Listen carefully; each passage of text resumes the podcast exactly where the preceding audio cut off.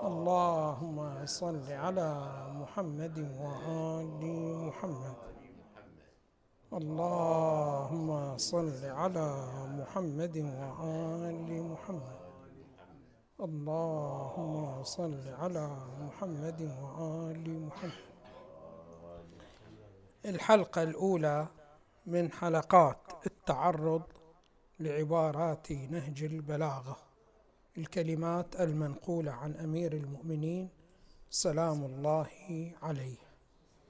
قبل أن نبدأ هناك مجموعة نقاط نتعرض إليها وهي عبارة عن مقدمة. من هو أمير المؤمنين؟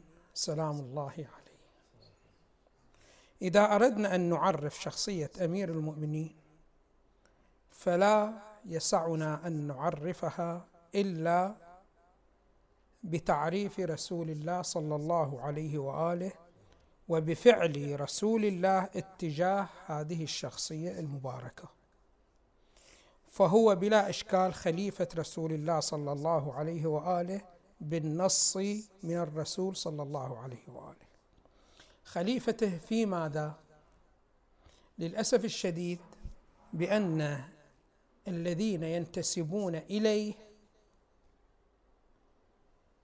يرونه خليفة فقط في الأمور السياسية وحيث أن هذا المنصب لم يعطى الفرصة لنيله فبالتالي ما حصلت أي فائدة من خلافته لرسول الله صلى الله عليه وآله.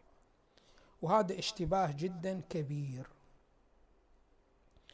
بلا إشكال علي بن أبي طالب هو خليفة رسول الله صلى الله عليه وآله ولكن خليفته في ماذا؟ خليفته في بيان كل الأمور التي كانت تقوم بها النبوة كل هذه المسائل وكل هذه الحيثيات أعطيت لأمير المؤمنين سلام الله عليه فكان النبي إذا واحد عنده مشكلة عقائدية إلى من يتجه؟ إلى النبي صلى الله عليه وآله عندما توفي يجب أن يلتجئ إلى علي بن أبي طالب. سلام الله عليه. إذا كان هناك مسألة أخلاقية النبي كان هو الذي يبينها. بعد النبي لا بد أن يتجه لمن؟ لعلي بن أبي طالب. إذا كانت هناك مسألة فقهية سواء كانت فقه مرتبط بالأمور القلبية أو مرتبط بالأمور الجوارحية فعليه أن يتجه لمن؟ لعلي بن أبي طالب سلام الله عليه. إذا خلافة أمير المؤمنين في بيان الجوانب العقائدية في بيان الجوانب الأخلاقية وبصورة عامة كل المعارف القرآنية. هو شنو؟ مادة الخليفة. ولكن للأسف الشديد أغفل هذا الجانب. وهذا يتضح لكم بصورة جدا واضحة وجلية من الاهتمام بتراث علي بن أبي طالب سلام الله عليه. فإنه لا اهتمام من قبل جميع المسلمين. ما عندهم شنو؟ ماده اهتمام بجانب تراث علي بن أبي طالب سلام الله عليه.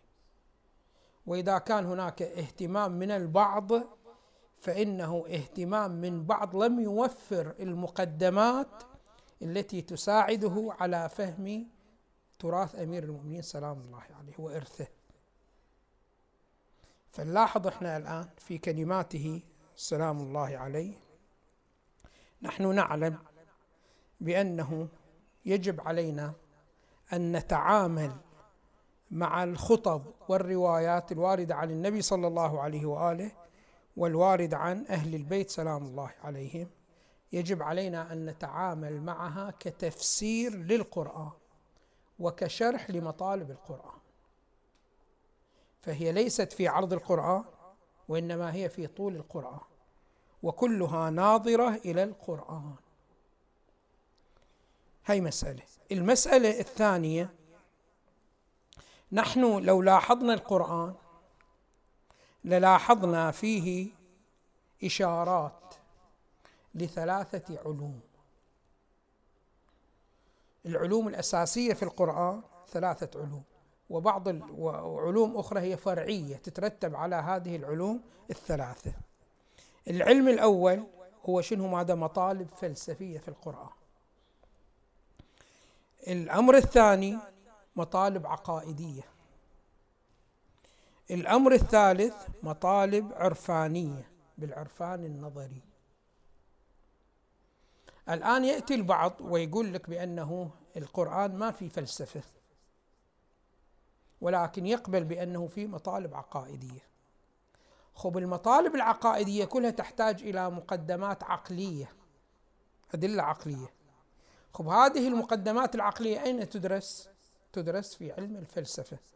فيمكن القرآن ما في إشارة إلى قواعد فلسفية بصورة مباشرة ولكن بلا إشكال المطالب العقائدية التي بينها القرآن تعتمد على مقدمات فلسفية بلا إشكال. فالآن بلا إشكال عندنا المطلب الأساسي في القرآن والذي هو المحور وتدور كل المسائل القرآنية العقائدية حوله هو مسألة التوحيد. راح يتضح إلينا إحنا عندما نتكلم حول التوحيديات أمير المؤمنين سلام الله عليه راح نشير إلى هذه المقدمات الفلسفية. فيتبين بأن القرآن يشير إلى المقدمات الفلسفية. قد تكون شنو مادة بصورة غير مباشرة ولكن الأدلة العقلية التي ذكرت في القرآن لا تتم إلا بعلم الفلسفة. كذلك عندنا شنو مادة مطالب مرتبطة بالعرفان النظري. العرفان النظري ما هو؟ يقولون العرفان النظري هو عبارة عن تعميق للمطالب العقائدية. فمثلا لاحظوا الآن مثلا إحنا عندما نقرأ سورة الإخلاص. سورة الإخلاص تبدأ قل هو الله أحد. أحد ماذا معنى؟ يقولون أحد هو الذي ليس بمركب. فإنه إذا كان مركب راح يكون محتاج إلى أجزائه. مثلا الآن أنت عندك السيارة محتاجة إلى الريديتر ومحتاجة إلى البستن أم لا؟ لأنه أجزاء في الماكينة.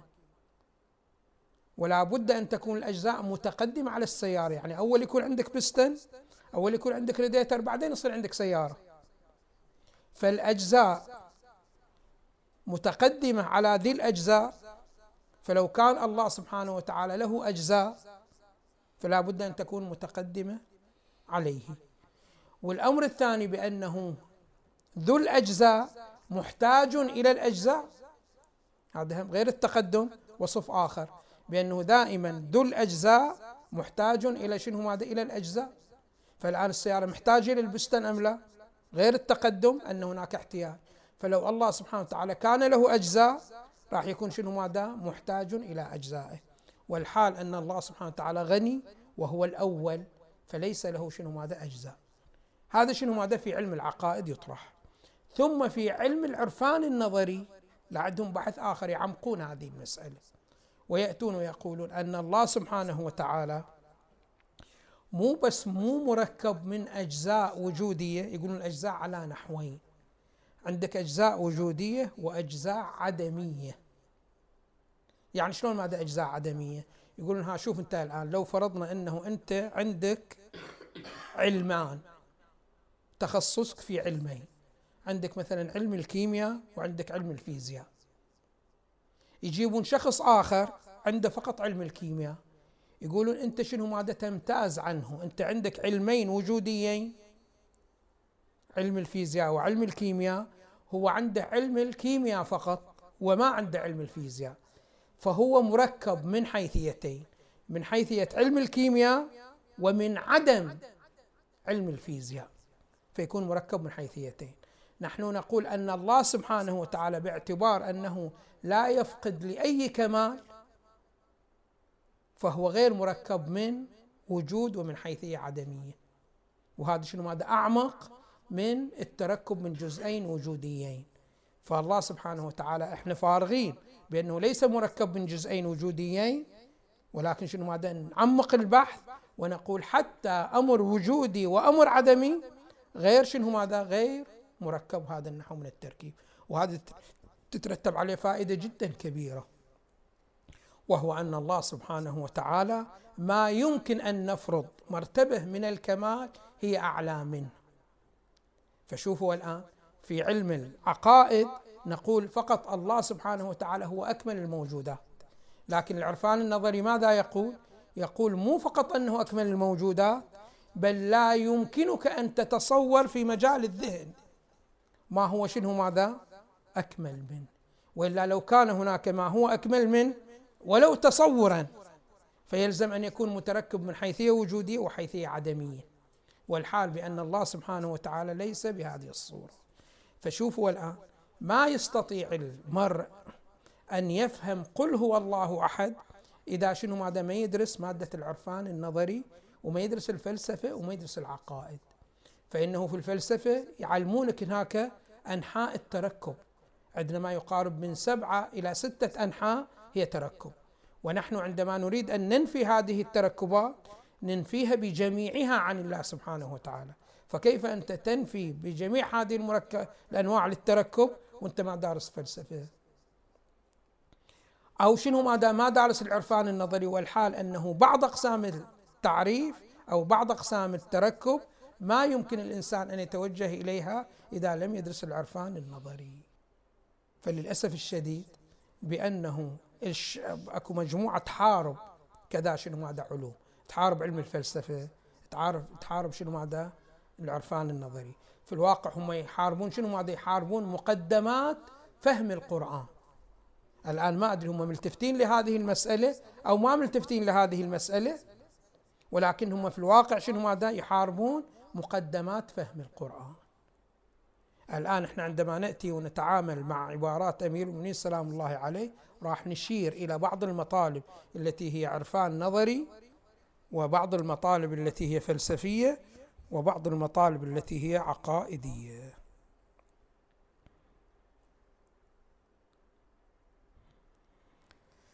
يبدأ الإمام سلام الله عليه يقول الحمد لله. شوفوا إحنا عندنا عنوان من العناوين الشرعية. والعناوين الشرعية إذا واحد فسرها تفسير خاطئ فإنه خطير جدا المسألة جدا تكون خطيرة. وللأسف الشديد هناك صار شنو هذا تحريف وتفسير خاطئ لبعض المصطلحات. فلاحظوا الآن عندكم مسألة التدبر. كثير من الجلسات تعقد بعنوان أنها تدبر. التدبر عنوان شرعي بلا إشكال. القرآن تقريبا ذكر مادة التدبر من ثلاث إلى أربع مرات.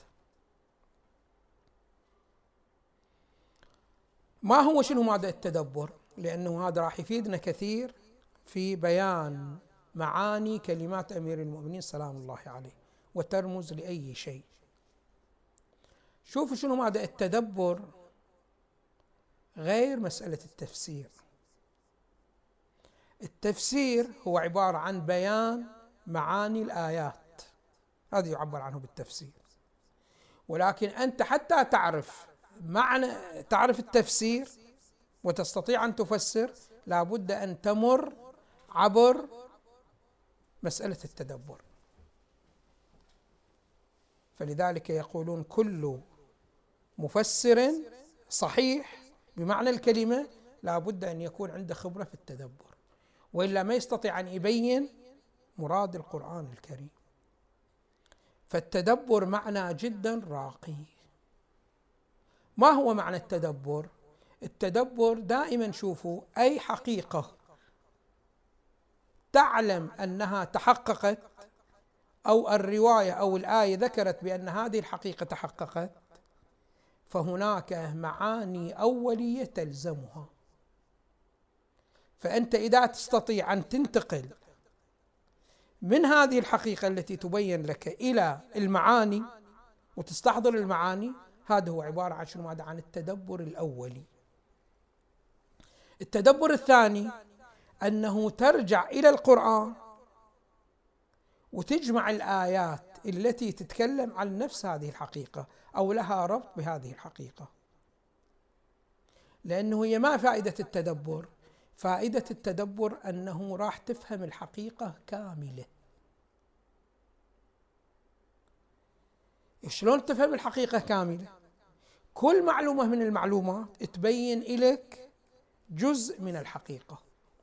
فأنت إذا نظرت إلى أن هذه المعلومة التي تبين لك جزء الحقيقة هي تمام الحقيقة ما راح شنو ماذا تدرك هذا الشيء كما يريده الله سبحانه وتعالى. فلا بد أن تنظر في الحيثيات الأخرى المرتبطة بهذا المعنى حتى تأخذ صورة كاملة عن تمام الحقيقة. وإلا يصير الفهم فهم شنو ماذا؟ مشوه. فمثلا أنت الآن تأتي إلى شنو؟ ماذا؟ إلى الملائكة. الملائكة ذكروا في كذا آية في القرآن الكريم. وكل آية من الآيات تبين حيثية من الحيثيات المرتبطة بالملائكة. فمثلا الملائكة وجودات لا تعصي الله سبحانه وتعالى. فهما كالعضو لله سبحانه وتعالى. شلون أنت الآن عضوك؟ يدك. تعصيك؟ ما تعصيك. إذا تتحرك للأسفل تحرك للأسفل. إذا تحرك إلى شنو؟ ماذا إلى الأعلى تحرك إلى الأعلى. ما تعصيك. الملائكة هم بمنزلة الأعضاء لله سبحانه وتعالى. ما يمكن شنو؟ ماذا أن يعصون الله سبحانه وتعالى. هي من حيثيه من حيثيه ثانية تبين آية أخرى تبين بأن الملائكة وجودات لا تتغير.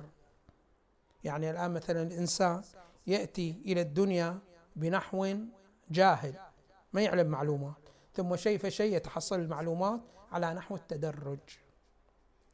يأتي إلى الدنيا وهو شنو ماذا؟ عاجز. فالآن الطفل عندما يطلع من بطن أمه يستطيع يحمل عشرة كيلو؟ ما يستطيع أن يحمل عشرة كيلو. بعدين شنو ماذا؟ بالتدرج يستطيع أن يحمل عشرة كيلو إلى أكثر. الملائكة مو بهذه الصورة. الملائكة بمجرد أن يوجدها الله سبحانه وتعالى فكل كمال يمكن أن تحصل عليه هي حاصل عليه من أول ما يوجدها الله سبحانه وتعالى. فهي شنو مادة الملائكة؟ بهي النحو. وهناك عدة شنو مادة؟ أحكام إلى الملائكة. فأنت إذا تريد تفهم حقيقة الملائكة وتكون قريب من تصور حقيقتهم ما تستطيع أن تنظر إلى آية واحدة وتاخذ شنو ماذا؟ حقيقتهم لا. وإنما لابد شنو ماذا؟ أن تجمع بين هذه الآيات. فالآن لاحظوا مثلا هنا عندما يبدأ الإمام سلام الله عليه بالحمد حيث يقول الحمد لله الذي لا يبلغ مدحته القائلون. هذه شنو هذا حقيقة يبينها أمير المؤمنين سلام الله عليه. الحمد ما هو. وهذا معناه يجب أن نلتفت له. فإن القرآن كثير يؤكد عليه وفي العبادات كثير اهتم به. بحيث أنت انظر نفسك تقرأ يوميا تصلي كم ركعة؟ 17 ركعة. عشر ركعات أنت مأمور بقراءة سورة الفاتحة. سورة الفاتحة تبدأ بماذا؟ بالحمد لله رب العالمين. عشر مرات أنت يوميا لازم تقرأ هكذا شيء. مو بس هكذا. تعال شنو ماذا؟ في السجود وفي الركوع. سبحان ربي الأعلى وبحمده. سبحان ربي العظيم وبحمده. فعجيب شنو ماذا؟ اهتمام. بمن؟ بالحمد. خب الحمد ما هو؟ يقولون الحمد أول مسألة في تعاملك تبحث عن المعنى معنى الحمد ما هو؟ الحمد يقولون هو عبارة عن الثناء يعني المدح على الجميل الاختياري يعني أنت عندك صفة جميلة وهذه الصفة ما جيت أنت بيها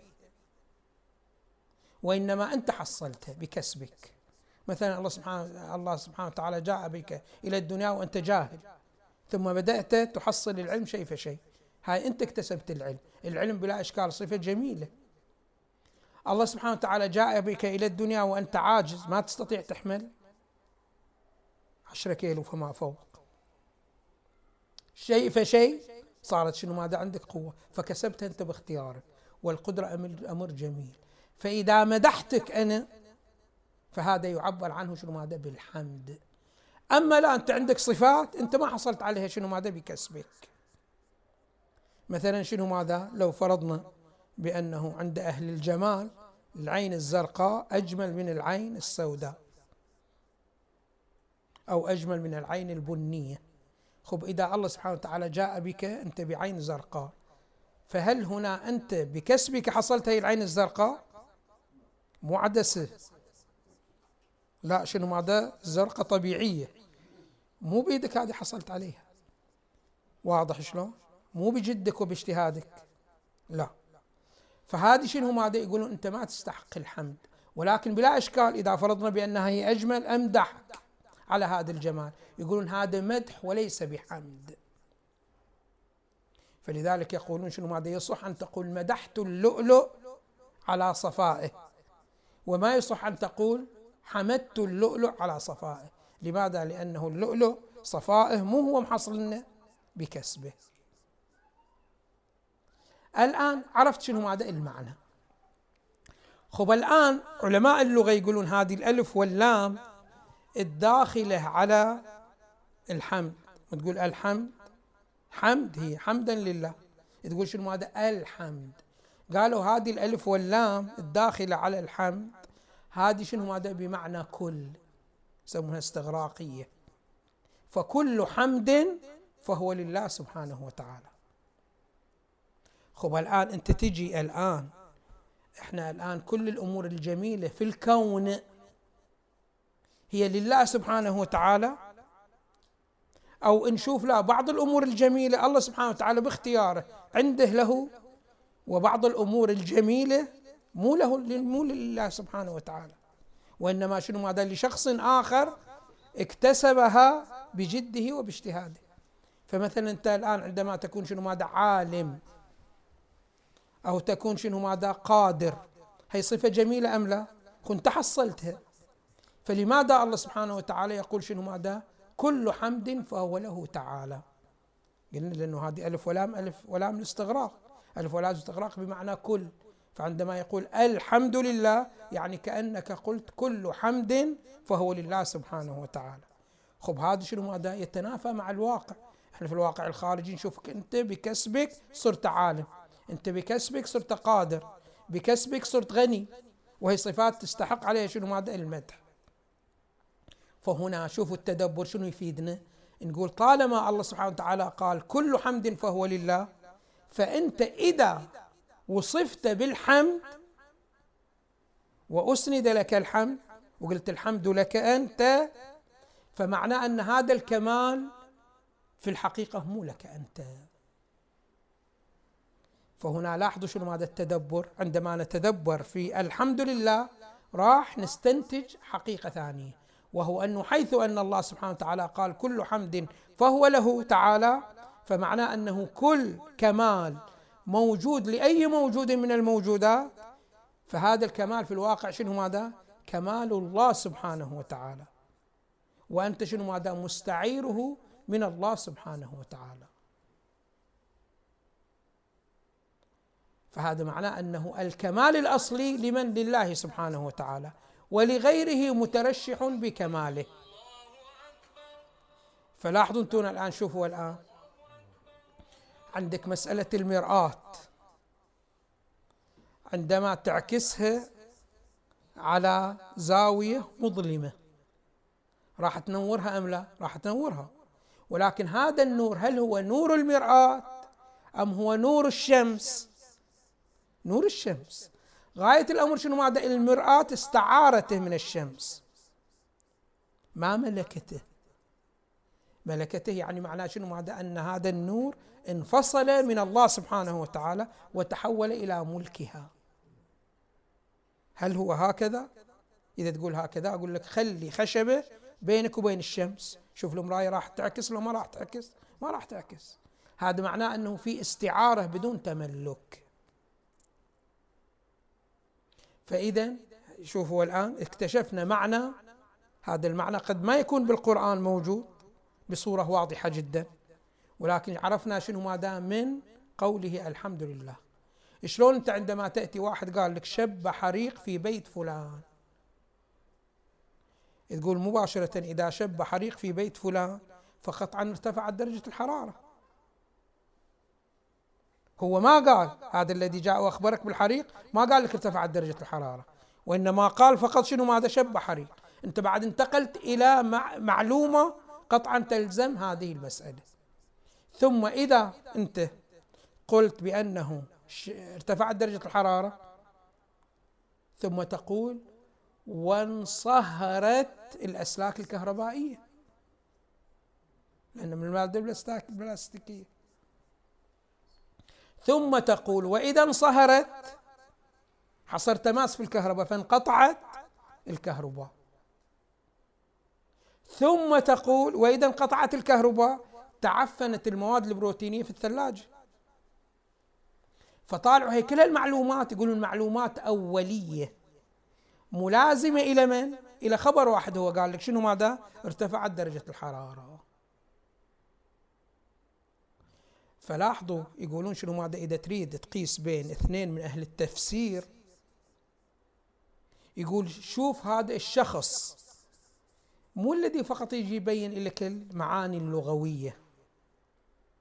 فيجي يقول لك شنو هذا الحمد هو عبارة عن الثناء على الجميل الاختياري.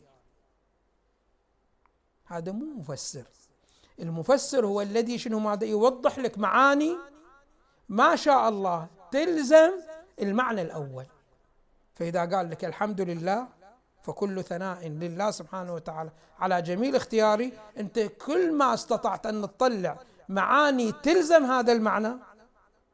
ولزوم أولي يعني مو نظري بحيث قابل للصحة وقابل إلى شنو ماذا؟ إلى النفي والإنكار لا. وإنما معاني أولية تلزم. كل ما التفت إليها أكثر أنت قيمتك أكثر. فمن هنا شنو ماذا؟ المفسرون يتفاضلون. أما أنه مفسر يبين لي فقط المعاني اللغوية لا هذا شنو ماذا؟ مو مفسر. فهنا إذا قال الله سبحانه وتعالى الحمد لله أو قال أمير المؤمنين الحمد لله الذي لا يبلغ مدحته القائلون. مدحة يعني شنو؟ يعني المرتبة من الحمد التي تليق بالله سبحانه وتعالى. أنت تريد تمدح الله سبحانه وتعالى. خو تمدحه على شيء تعرفه أو على شيء أنت تجهله. على شيء تعرفه. الآن هذه من المعرفة. مرة تكون معرفة عرضية ومرة تكون معرفة عمقية. المعرفة العرضية أن تعرف بأن الله سبحانه وتعالى يتصف بالقدرة وهي كمال وليس مفروض عليه بل باختياره هو موصوف ما في واحد يقدر شنو ماذا يمارس الجبر على الله سبحانه وتعالى ويحمله شيء من الأشياء. فأنت عندما تتوجه لله سبحانه وتعالى تقول هو له الحمل باختياره. فهي صفة. صفة ثانية له القدرة باختياره. هاي صفة ثانية. صفة ثالثة الحكمة باختياره. هو شنو ماذا هي صفة رابعة أو ثالثة. عندك صفة شنو ماذا الرا هو الرازق هو الرحمن هو الرحيم. كل هذه يستحق عليه شنو ماذا؟ المدح. وكل ما توسعت فقد توسعت عرضا. ثم تأتي إلى شنو ماذا؟ إلى الرزق. الرزق البعض منا يظن بأن الرزق هو فقط شنو ماذا؟ المال. لا. يقول المال هو شنو ماذا؟ أضعف مرتبة في مراتب الرزق.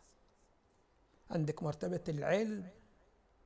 هذه أهم شنو هذا أهم من المال. وش يقول علي بن أبي طالب إلى كميل؟ يقول يا كميل العلم خير من المال فإن العلم يحرسك وأنت تحرس المال. فالعلم أهم الصحة هي شنو ماذا أهم؟ سلامة الدين هي شنو ماذا أهم؟ وإلى آخره. فهناك أنت هذه النعمة مرة تكون على النعم السطحية فقط وما تغوص شنو ماذا؟ إلى العمق. فبعض الناس ما يرى شنو ماذا بأن الصحة نعمة من الله سبحانه وتعالى. البعض الآخر ما يرى بأنه شنو ماذا؟ توفيق إلى أعمال الصالحات هو نعمة من الله سبحانه وتعالى. فالآن إذا شخص من الأشخاص يريد يحمد الله سبحانه وتعالى بالحمد بمرتبة الحمد الذي تليق بالله سبحانه وتعالى لا بد أن يتعرف على ماذا؟ على عدة أمور. يتعرف على النعم والكمالات العرضية التي يتصف بها النبي الله سبحانه وتعالى ويتكلم ويتعرف على مراتب الكمالات الطولية فيغوص شنو ماذا؟ في الأعماق. خب من الذي يستطيع أن يتعرف على المنزلة التي تليق بالله سبحانه وتعالى؟ ما في أحد. فلذلك أمير المؤمنين يلتفت إلى هذا الشيء. ويقول شنو ماذا؟ الحمد لله الذي لا يبلغ مدحته يعني ما يمكن أن يحمده. الحمد الذي هو يستحقه أحد شنو ماذا؟ من الخلق. لا يبلغ مدحته القائلون. خب لماذا؟ لأن الله سبحانه وتعالى هو الوجود اللامحدود واللا متناهي وما سواه من البشر أو من الملائكة أو من الجن كلهم يتمتعون بوجود محدود. ويقولون إذا كان الوجود محدود فلا بد أن يكون العلم محدود. لا بد أن تكون القدرة محدودة والحياة محدودة. لماذا؟ لأن هذه الكمالات تتقدر بقدر الوجود. فإذا كان الوجود شديد مثل وجود الله سبحانه وتعالى وليس بمحدود فله علم لا محدود له قدرة لا محدودة له حكمة لا محدودة له حياة لا محدودة. وإذا كان لا الوجود محدود وهو وصف لكل ما سوى الله سبحانه وتعالى. فراح تكون كل شيء محدود فكل شيء كماله محدود. فكل غير الله سبحانه وتعالى علمه محدود قدرته محدود حكمته محدودة. فإذا كان بهذا النحو فكيف يمكن أن يدرك القدرة اللامحدوده لله سبحانه وتعالى؟ كيف يمكن أن يدرك العلم اللامحدود لله سبحانه وتعالى. فلذلك يقول شنو ماذا؟ يثني على الله سبحانه وتعالى بهذه الصفة بأنه أنا أحمدك ولكن لا أدعي بأنه حمدي هو الذي يليق بمرتبتك. الحمد لله الذي لا يبلغ مدحته القائل والحمد لله رب العالمين وصلى الله على محمد وآله الطيبين الطاهرين. اللهم صل على محمد وآل محمد. اللهم صل على محمد وآل محمد. اللهم صل على محمد وآل محمد.